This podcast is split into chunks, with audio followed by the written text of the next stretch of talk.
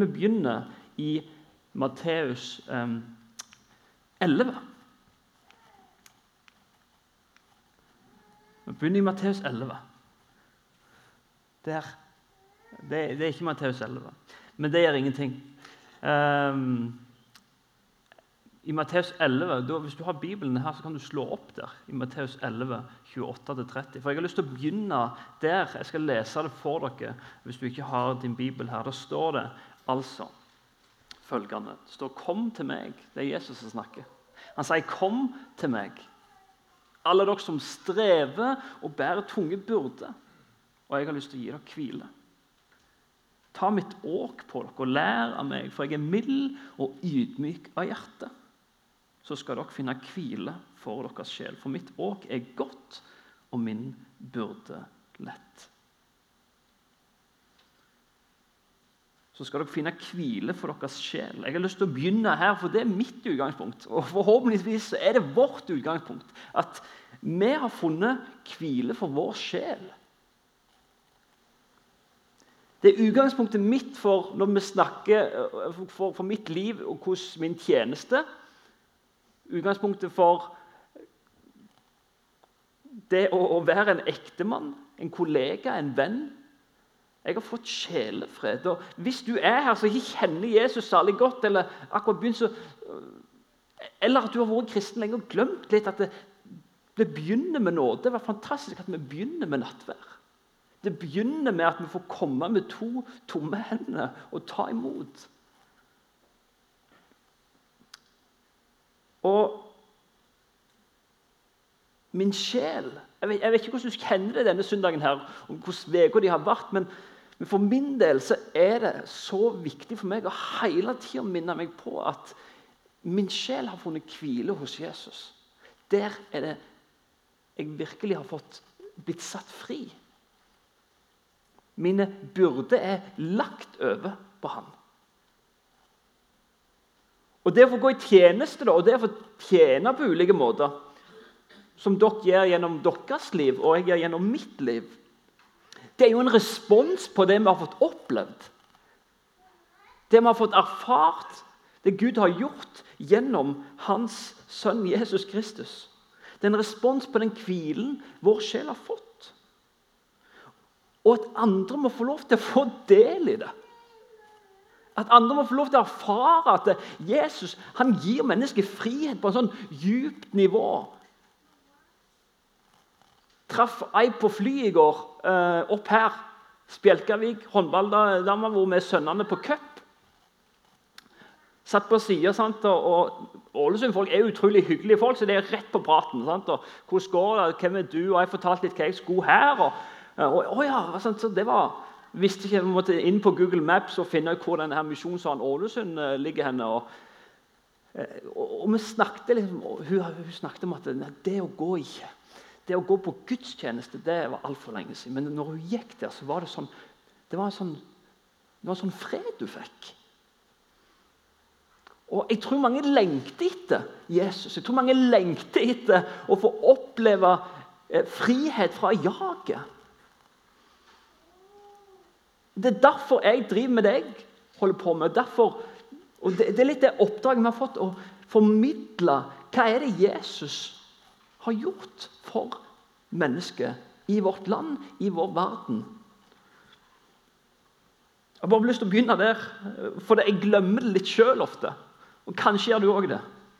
Jeg vet ikke. Men, men uh, vi ber litt sammen. Kjære far, takk for, takk for at uh, vi får komme i dag òg. og bare legge vårt liv foran deg. Takk for at jeg hviler for vår sjel. Takk for at du har gjort alt, Jesus. At du er full av nåde, at du er full av sannhet. Og så ber vi deg i dag, lær oss litt mer, Helligånd, om hvem du er, og hva du sender oss til. Helliggjør oss i din sannhet, Jesus. Amen. Dagens overskrift er å sende videre. Uh, og da sende hverandre videre, egentlig, mot uh, plasser, uh, bygder, byer i vårt land Eh, for å plante og etablere nye fellesskap. Og Menighetsplanting, hva er det for noe, egentlig? Jo, Det er noe den kristne kirke har gjort siden dag én. Siden dag én har dette vært den bibelske misjonsstrategien. på en måte. Det etablerer kristne fellesskap, også kalt kirke, eh, menigheter på et konkret geografisk område. Og Vi som misjonsbevegelse Norsk Luthersk man har gjort dette her i, i, godt over 100 år, både i utlandet og her. Har vi kanskje ikke kalt det for menighetsplanting, men, men det er det vi har.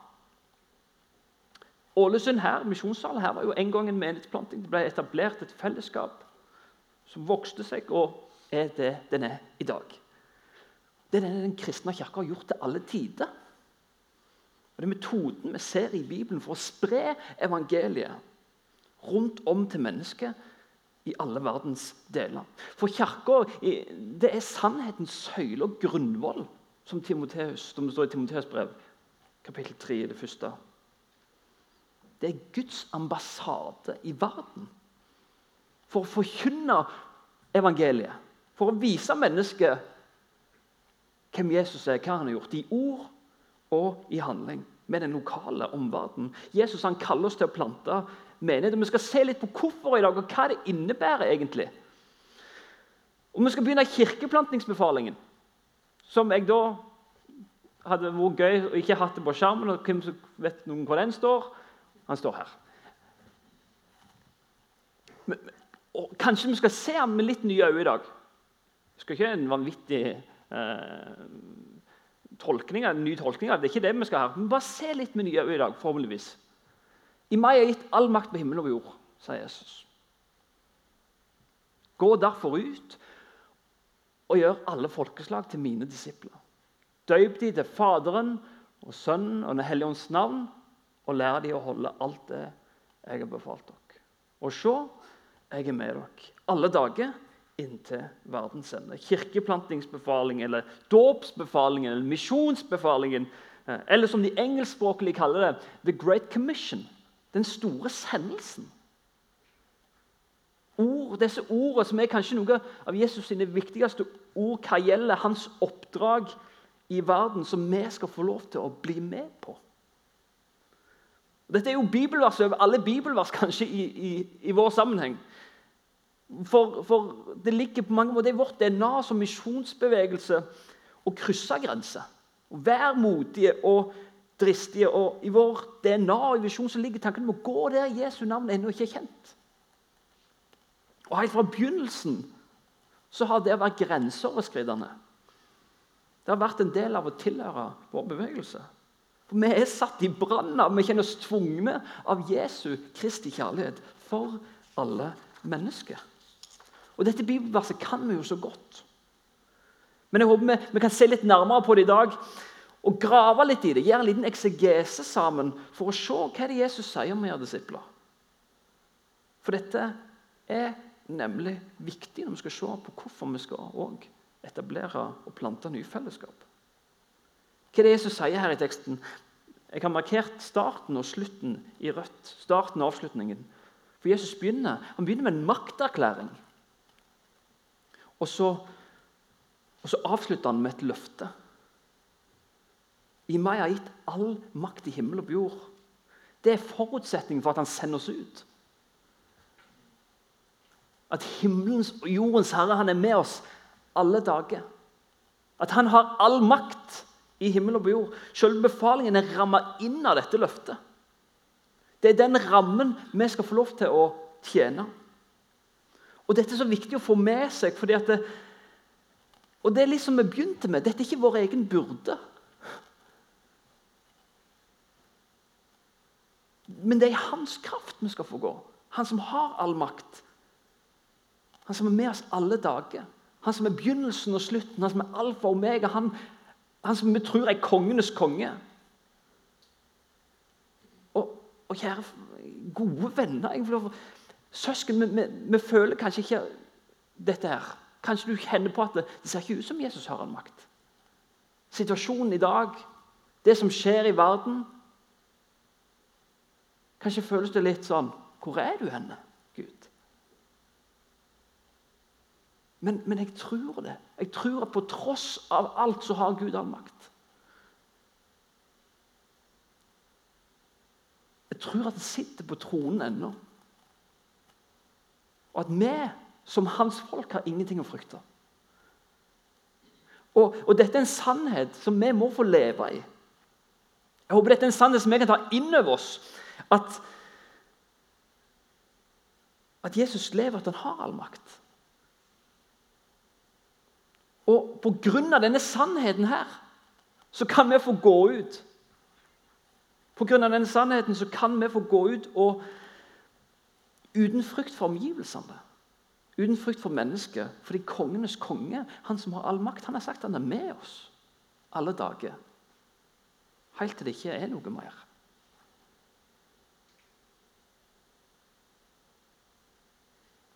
Så skal vi se hva er det kongen kaller oss til. Kan du si disipler av han? Ikke av oss, ikke av en misjonsorganisasjon eller en møteform, men disipler av Jesus. Og så er det to ting han sier. Vi skal begynne litt med det første. Han sier Døyp de til Faderen, Sønnen og Helligåndens navn. Hvorfor tar Jesus med dette her? Du skal døype de, ok? Neste Jeg skal prøve igjen denne her alene en gang. Det gikk ikke. Du må trykke på neste. I Romerbrevet så står det Romerne 6, fra vers 3, så står det så er det Paulus som skriver om dåpen. så skriver han, Eller vet dere ikke at alle vi som ble døpt til Kristus, ble døpt til hans død? Vi ble begravet med han, og vi ble døpt med denne dåpen til døden.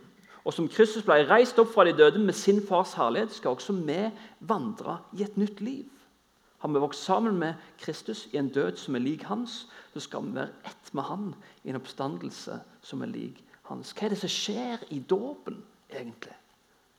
Når vi blir døpt, da får vi egentlig en ny identitet. Vi, vi får vandre i et nytt liv, sier Bibelen om. Vi er nå ett med Kristus. Ok? Altså, det, det er, det, det, Vi går fra noe, og så går vi til noe. Vi går fra utenforskap til fellesskap. Fra utenforskap og avstand fra Gud til fellesskap med Gud. Vi går fra død til liv. Du er nå et Guds barn, egentlig. Du har kommet hjem, du er en del av Guds familie. Det er det som skjer i dåpen, at du, du blir innlemma i et folk. Du får en ny familie. Hva var det, hva var det ditt navn var igjen? Rune. Rune traff jeg nettopp. Men jeg og Rune er jo brødre. Vi, vi deler jo noe djupt. Vi tilhører jo samme familie. Og Jeg vet ikke om du har vært ute blant, i verden og, og, møtt folk som, som deler troa di, og du bare 'Å ja, du òg kristen.' Det er noe, Dere deler et eller annet. Vi er brødre fordi vi har, fått, vi har samme far, og vi har fått nye søsken. Vi blir døpt inn i et fellesskap. og I apostelgjerningene og i Romerbrevet og en hel del andre plasser i Bibelen så ser vi at dåp betyr nettopp å inkorporeres i et Kristustilbedende fellesskap. Til ei kirke, til en menighet. Jesus frelser oss til noe. Til et fellesskap med Han og med andre troende. Du kan ha neste opp. Dåpen gir oss til et Guds barn. Og vi trenger kirke, vi trenger fellesskap, vi trenger nye og nye fellesskap med nye former og uttrykk. Som kan ta imot mennesker som kommer til tro. Vi trenger flere hus som folk kan komme til. Flere rom. Det ble gjort en omfattende undersøkelse av, eh, av uh, gruppa som heter SENT, som kartla eh, kirkesituasjonen og menighetssituasjonen i Norge for ikke så veldig lenge siden. i 2001 denne her Eh, kom ut. Og, og Da så de hvor er det mest eh, kirke per innbygger. Eh, og De har et mål, vi trenger cirka et mål om Vi vil ha 1000 ei kirke per 1000 innbygger. Og Jeg kikket litt på hvordan, hvordan ligger den her i området. Og Per nå så er det én menighet per 2000 innbygger i Møre og Romsdal. Skulle alle mennesker bare i denne her byen her, eller i Ålesund, skulle alle mennesker i Ålesund vært en del av et fellesskap, så må vi bygge ut her litt. Bygge ut noe voldsomt, egentlig. For ideelt sett så tenker en at, at en trenger som sagt 1000 per eh, menighet for å dekke Vi trenger jo mer enn det. Men vi trenger nye kirker. Vi trenger flere kirker som kan åpne opp og ta inn mennesker som vil, kan inkorporeres i det kristne fellesskapet. For det er sånn at Jesus elsker faktisk Ålesund by. For meg er det litt overraskende. Det er ikke det. Men, men han elsker faktisk menneskene her òg. Han har lyst til å bli kjent med dem, han har lyst til å møte dem. Han har lyst til at de skal få et nytt liv han. går fra utenforskap til fellesskap. Gå fra fange til fri, fra død til liv. Det er det han ønsker.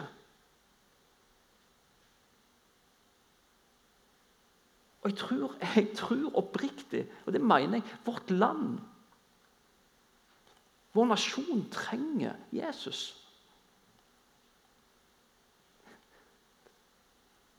De trenger det.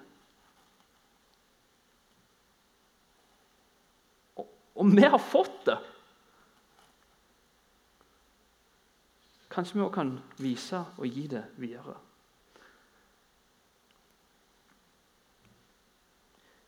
Det neste er Jesus sier er um, Vi skal lære dem å holde det jeg har befalt, det han har befalt oss. Det neste ledd to ting. Døype dem. Døype inn i fellesskapet med Gud og med de troende. Og så er Det neste er å lære dem å holde det jeg har befalt dere, sier Jesus. Apostelen Paulus som reiste rundt og planta menighet, han forteller i starten av romerbrevet om hva hans oppdrag er. Der sier han eh, ved han, altså ved Jesus Kristus har jeg fått nåde og aposteloppdrag for at jeg skal føre mennesker av alle folkeslag til lydighet i tro. Til ære for Hans navn. Dette er et viktig poeng i hvorfor vi planter menigheter. Hvorfor jeg planter menigheter. Hvorfor vi som misjonsorganisasjon planter menigheter. For vi trenger å hjelpe hverandre til å leve under Jesu Kristus, leve i lydighet til Han. Hvorfor, hvorfor skal vi leve i lydighet til Han? egentlig? Jo, for å, for å ære Hans navn. Den djupeste tilbedelsen en kan gjøre i livet, det er å leve i lydighet til Jesus Kristus. Leve i Hans ord, i Hans sannheter, følge Hans vilje. Og det å si det i dag det er kanskje noe av det mest provoserende en kan i dagens samfunn. For Det første bud i dag er jo at du skal ikke ha andre guder enn deg sjøl. Men vi forkynner, at vi forkynner en Gud som, som er god, og som vi vil underordne oss. Jesus sier i Johannes 8, 31, sier, hvis dere blir i mitt ord, så er dere virkelig mine disipler. Da skal dere kjenne sannheten, og sannheten skal sette dere fri. Hva vil det si å bli i Hans ord, egentlig? Det vil si å kjenne Han? Kjenne de sannhetene som er i Han. Få del i det Han har gjort. Vi trenger å sende hverandre videre for å etablere nye fellesskap. For at flere skal bli disippelgjort. Trenger flere fellesskap som hjelper hverandre til å leve et liv som lærling under Jesus Kristus. Der vi lærer å kjenne Han. For jeg tror virkelig det er meningen med livet. Det er kanskje blant annet iallfall å få lov til å kjenne Gud. Å få se mer av Han, få se hvem Han er. Hvem, hva er det Guds hjerte er for noe? Og sammen ansvarliggjøre hverandre og hjelpe hverandre i et liv i lydighet til Han. Jesus og Kirka blir ofte omtalt som et ekteskap i Bibelen. Der Kristus blir portrettert som en brudgom og Kirka som hans brud. Og Av og til kan det virke som i våre sammenhenger at vi forkynner et litt smalt evangelium. Et evangelium som sier du er en synder på vei til helvete. Nummer to Gud elsker deg. Nummer tre Jesus døde for deg og dine synder. Og nummer fire hvis du tror på ham, så kommer du til himmelen. Og Det i seg selv er jo ikke feil, men det er jo et veldig smalt evangelium. For evangeliet om Jesus er så mye mer. Det er mer enn et forsikringsbevis som gir deg adgang til himmelen. En som heter John Ortberg, en pensjonert eh, pastor, han, han, sa med å tenke om frelse på den måten er målet å komme seg opp der til Gud. Det er å hvordan vite for sikkert at du er på vei til den gode plassen. Du gjør det kanskje med å formulere et, en spesifikk bønn eller tro et sett med læresetninger om Gud og andre ting som gjør deg til en kristen. Ironisk nok så involverer ikke dette et liv som lærling under Jesus Kristus. Dette smale evangeliet kan føre til at vi som kristne tenker at så lenge jeg tror disse elementære greiene, så er det godt nok. Frelse via minst mulig krav. Men evangeliet om Jesus er jo så mye mer. Det er jo at Gud, Gud kom ned. Himmelen kom ned. Gud sjøl kom og åpenbarte seg og viste hvem han er.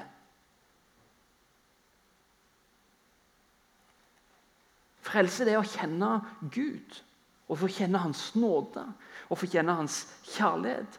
Og gå i dette livet under Hans ledelse. Under Hans sannheter, under Hans nåde.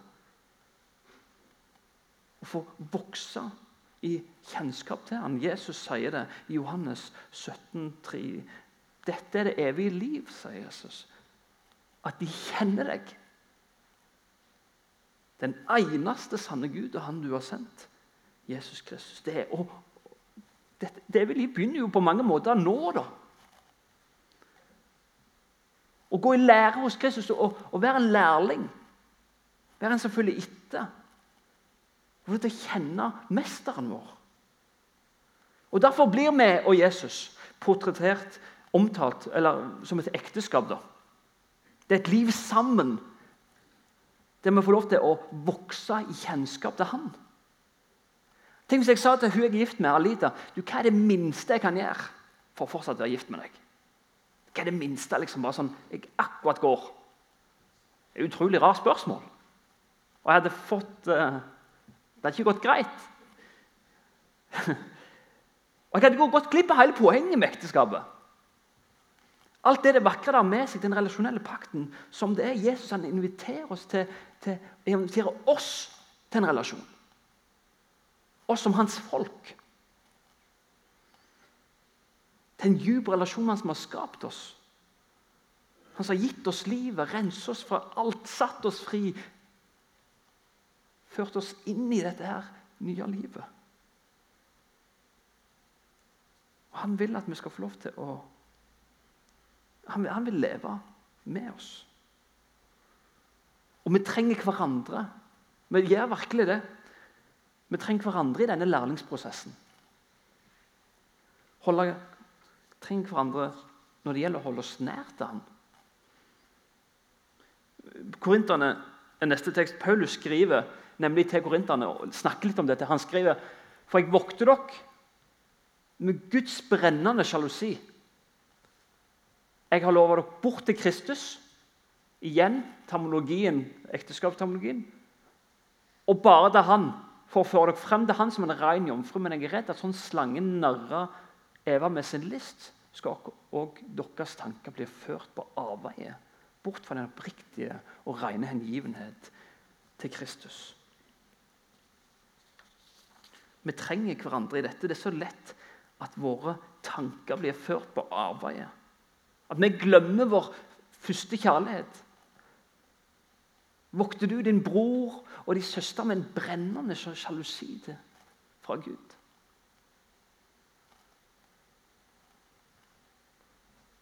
Vi trenger hverandre. Når vi planta for tre år siden, eh, så var det en del mennesker som kom og um, til Vitalkirken.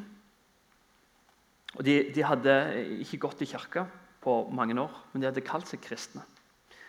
Um, Men de bare ikke en del av et kristent fellesskap. altså. Og jeg, vi, var på, vi var på Viken, Menighetsviken for første gang i vår historie sist helg. og Det var fantastisk å høre hva Gud har gjort gjennom fellesskapet. Og nettopp dette her var det så mange som snakket om. At det er noen som ansvarliggjør dem. Hjelper hverandre. I etterfølgelsen av Jesus. Vi beskytter hverandre. For Vi lever i et samfunn som hamrer på oss med løgner.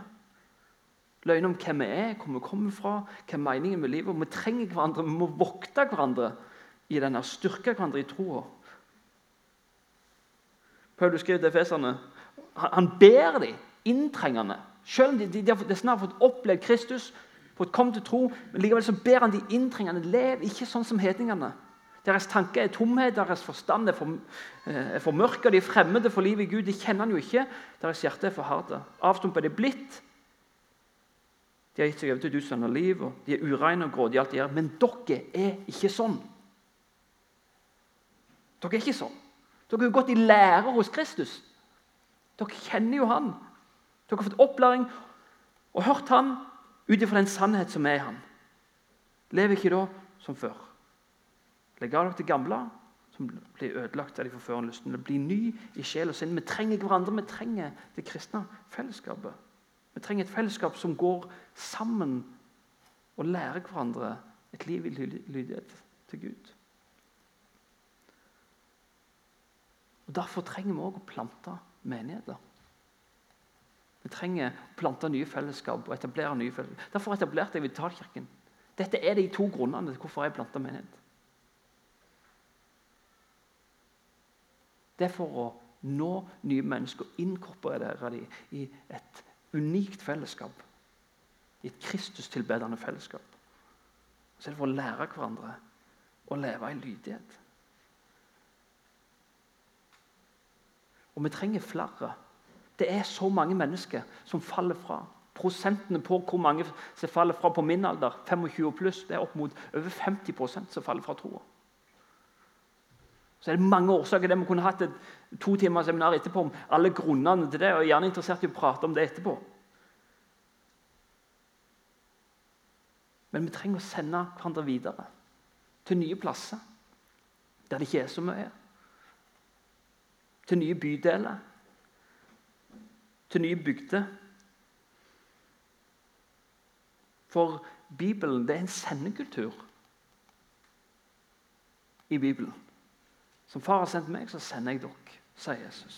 Og sendelsen, den, the Great Commission, den store sendelsen, den må fortsette. Den kan ikke stoppe opp. For vi trenger at flere skal få se hvem Jesus er. Hva han har gjort for oss. Vi trenger flere som går og, og etablerer fellesskap der med sine liv forkynner det frigjørende budskapet som Jesus har kommet med og vist oss. Og så vet jeg ikke hvordan det kommer til å se ut her. Jeg vet Andreas er gira på at noe skal skje. Kanskje noen kjenner på at de blir litt trigga av dette. her. Kanskje ikke. Jeg, kanskje du tenkte at det var dårlig kjedelig å høre på.